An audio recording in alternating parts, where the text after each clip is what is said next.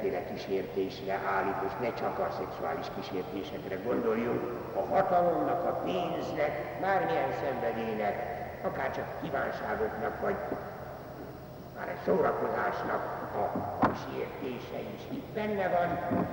A nemiséggel kapcsolatos ilyen rendetlen vágy esetében a legnagyobb segítsége, hogy így mondjam, az önfegyelem, és mindenek előtt a kísértő alkalomnak a elkerülése.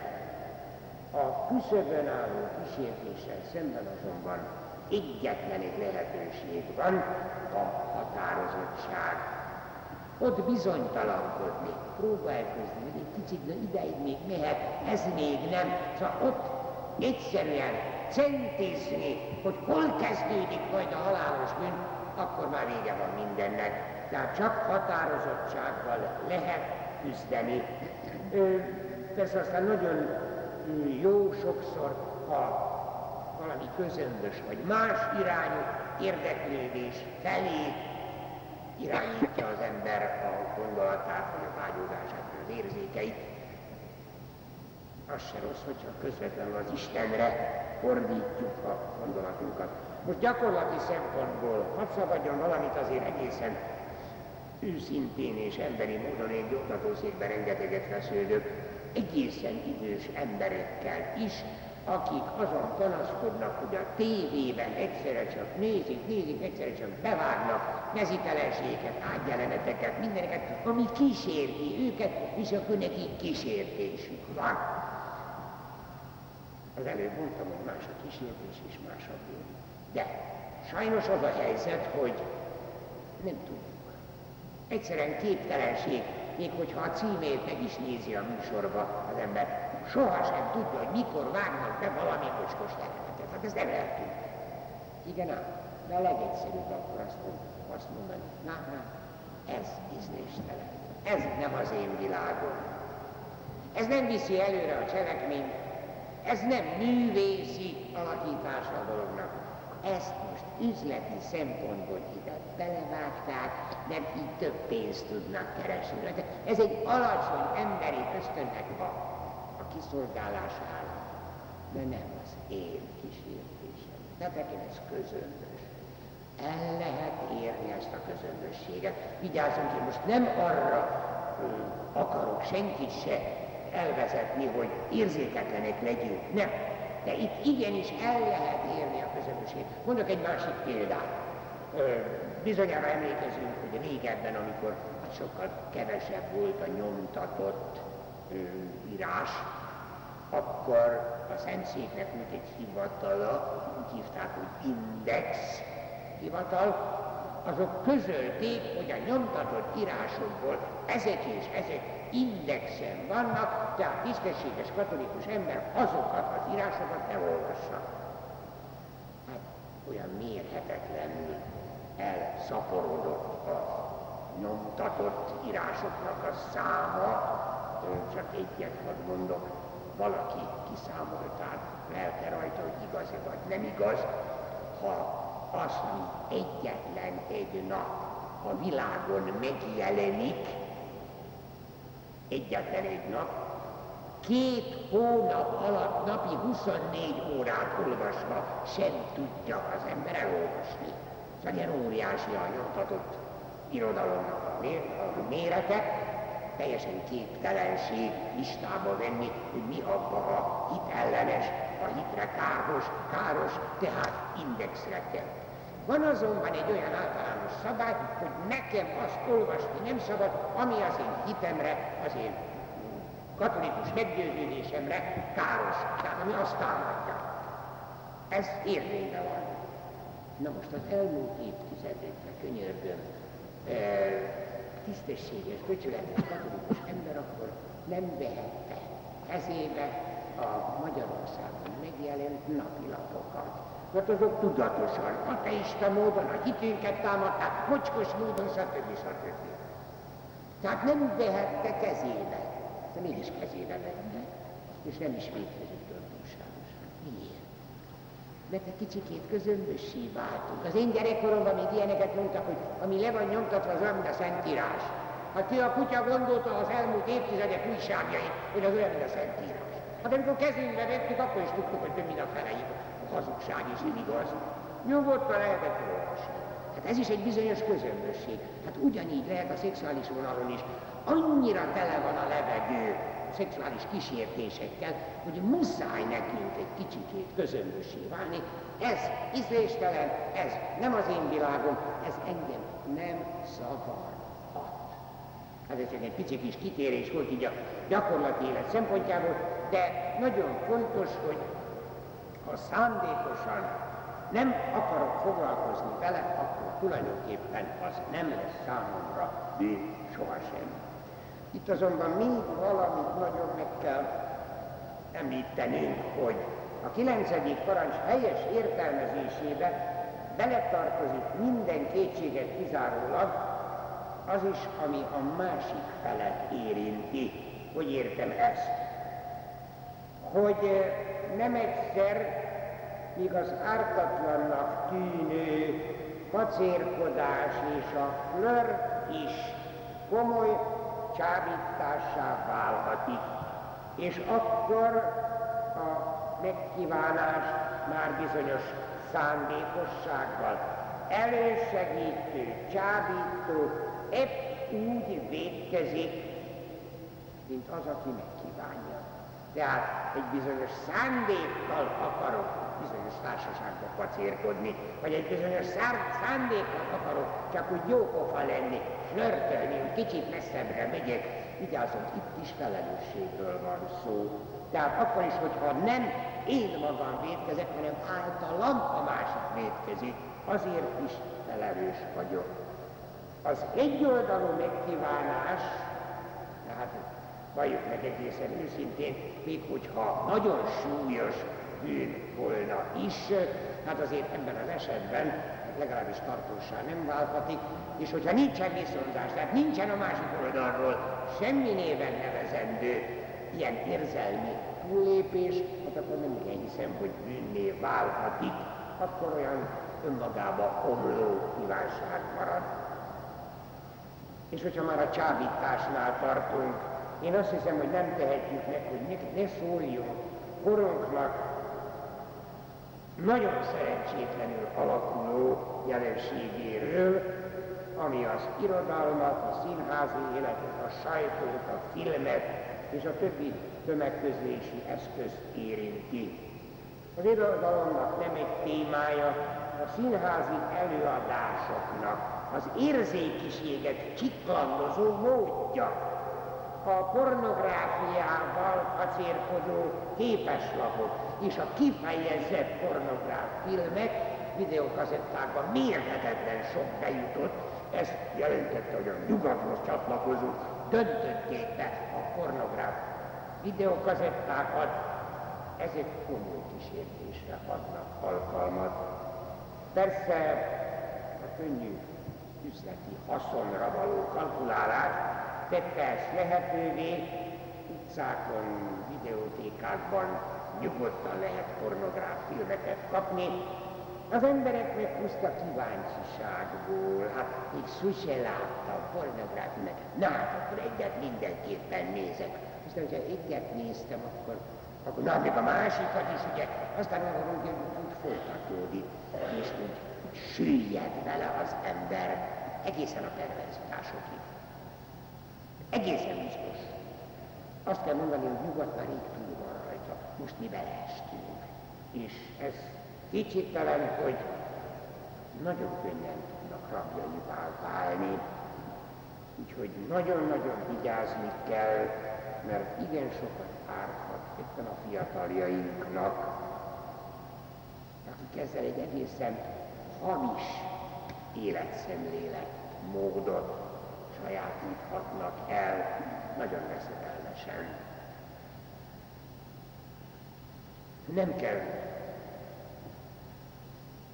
különböző hívőnek lenni ahhoz, hogy valaki ennek a romboló hatását fölmérje. De nekünk, hívő embereknek valósággal kötelességünk, hogy valamiképpen meggátoljuk a további terjedését. Eddig is voltak már különféle pornó ellenes akciók, amennyiben újabb akciók lennének, a hívő embernek mindenképpen csatlakoznia kell ehhez.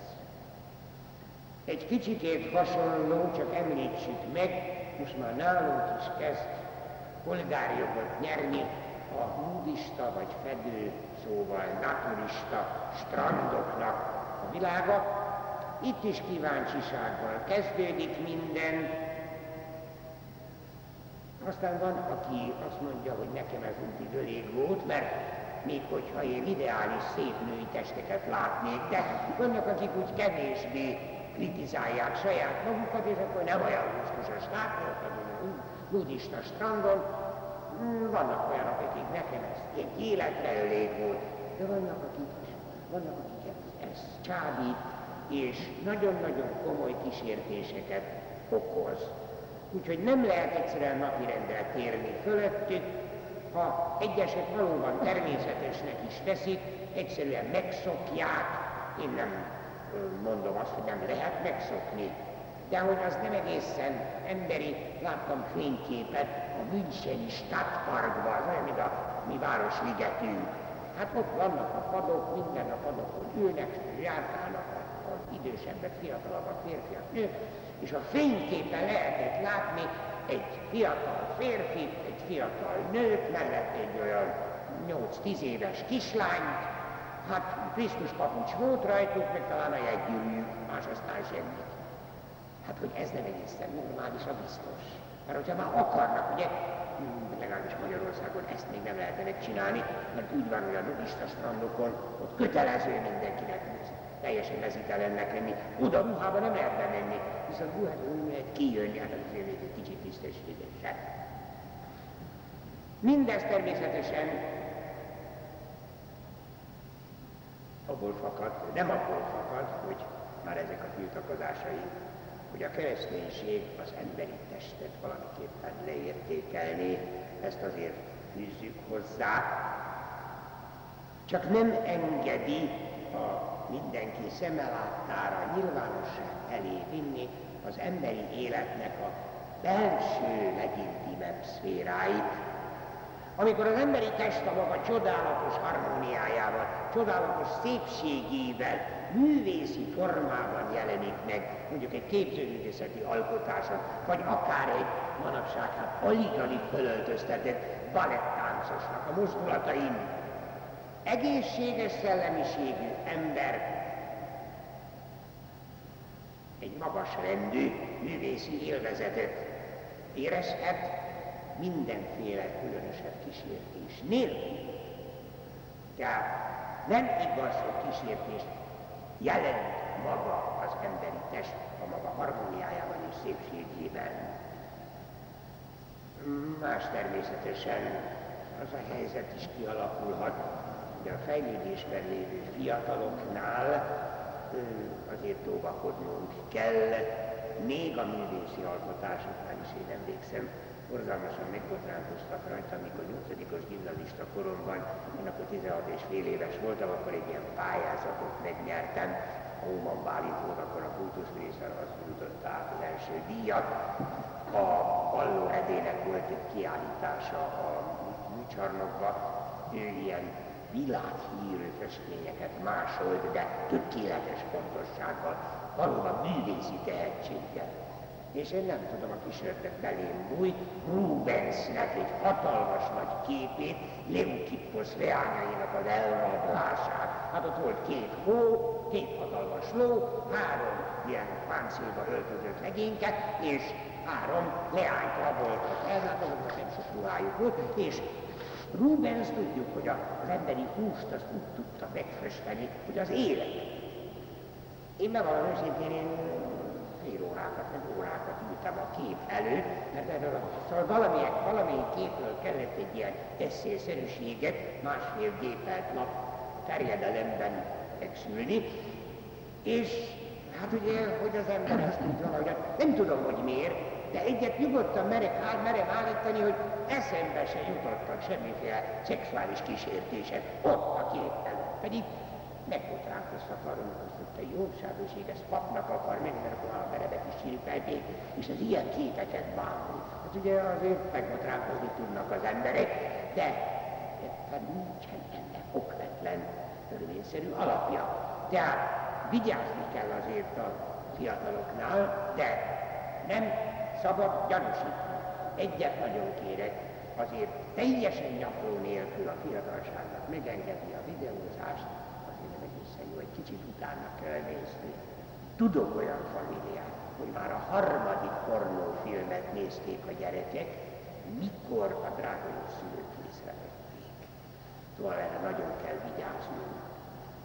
Általában a kilencedik parancsolatnak kapcsolatban nagyon hangsúlyoznunk kell a belső fegyelmet, amire már kicsikorban kell nagyon, de nagyon ránevelnünk, de ami nélkül hát egyszerűen nincsen egy emberi egyéniség, nincsen személyiség, hogy tudjam kézbe tartani magamat. Ez roppant fontos, és ténylegesen az egyéniség, a személyiség kibontakozásának egy legszükségesebb eleme.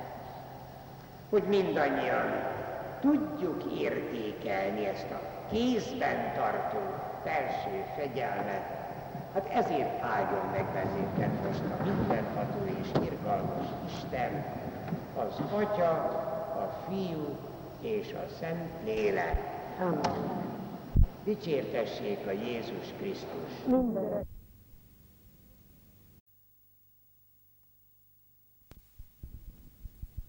1992. március 11-e Placidatja előadás sorozata a tíz parancsolatról, 20. rész. Az Atya, a Fiú és a Szent Lélek nevében. Amen. Mindenható mennyei Atyánk, Te a Szent Lélek földvilágosításával tanítasz minket, gyermekeidet. Kérünk, add meg nekünk, hogy szent lelked által megismerjük, ami igaz, megszeressük, ami helyes, és örvendjünk szüntelen az ő vigasztalásának. Krisztus, ami Urunk által. Amen. Az Atya, a Fiú és a Szent Lélek nevében. Amen. Dicsértessék a Jézus Krisztus.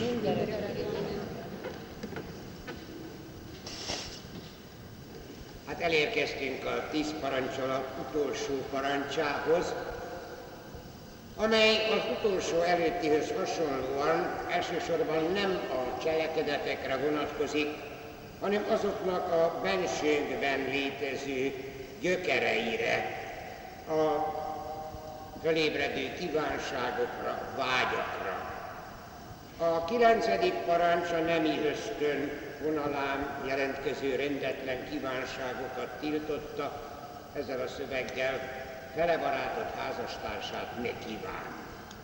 Ez a tizedik parancs viszont az ösztönös birtoklási vágy rendellenességeit tiltja, és így hangzik, mások tulajdonát ne kívánd.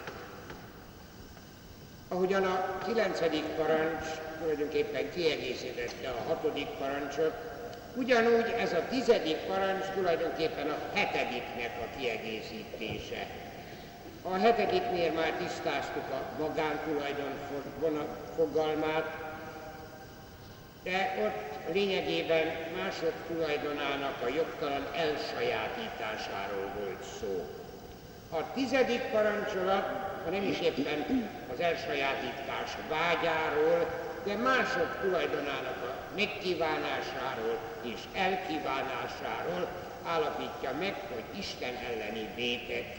Mégpedig azért, mert megrontja az emberben az Isten üdvösség tervében szereplő lelki harmóniát.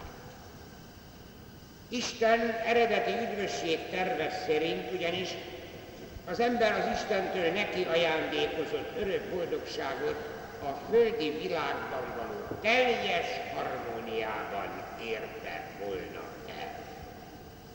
Ezt a harmóniát tette tönkre az emberi bűn, az Istennel való szembeszállás.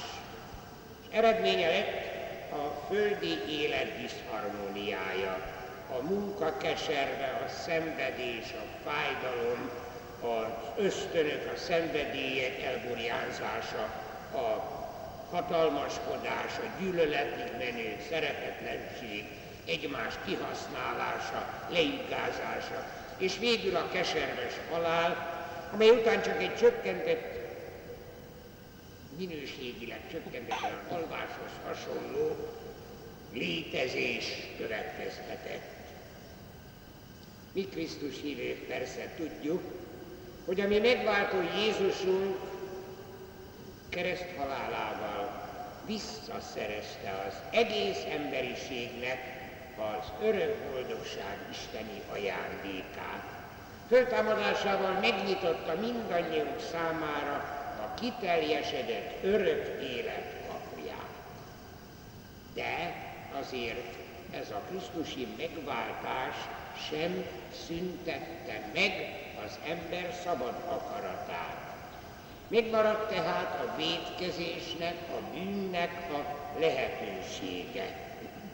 És ebben a tíz parancsolat és Jézus tanítása adja meg azokat a szabályokat és figyelmeztetéseket, amelyeket követve az ember földi életének a diszharmóniájában is tud úgy élni, hogy elérje az Isten tervezte végcélját, az örök boldogságot.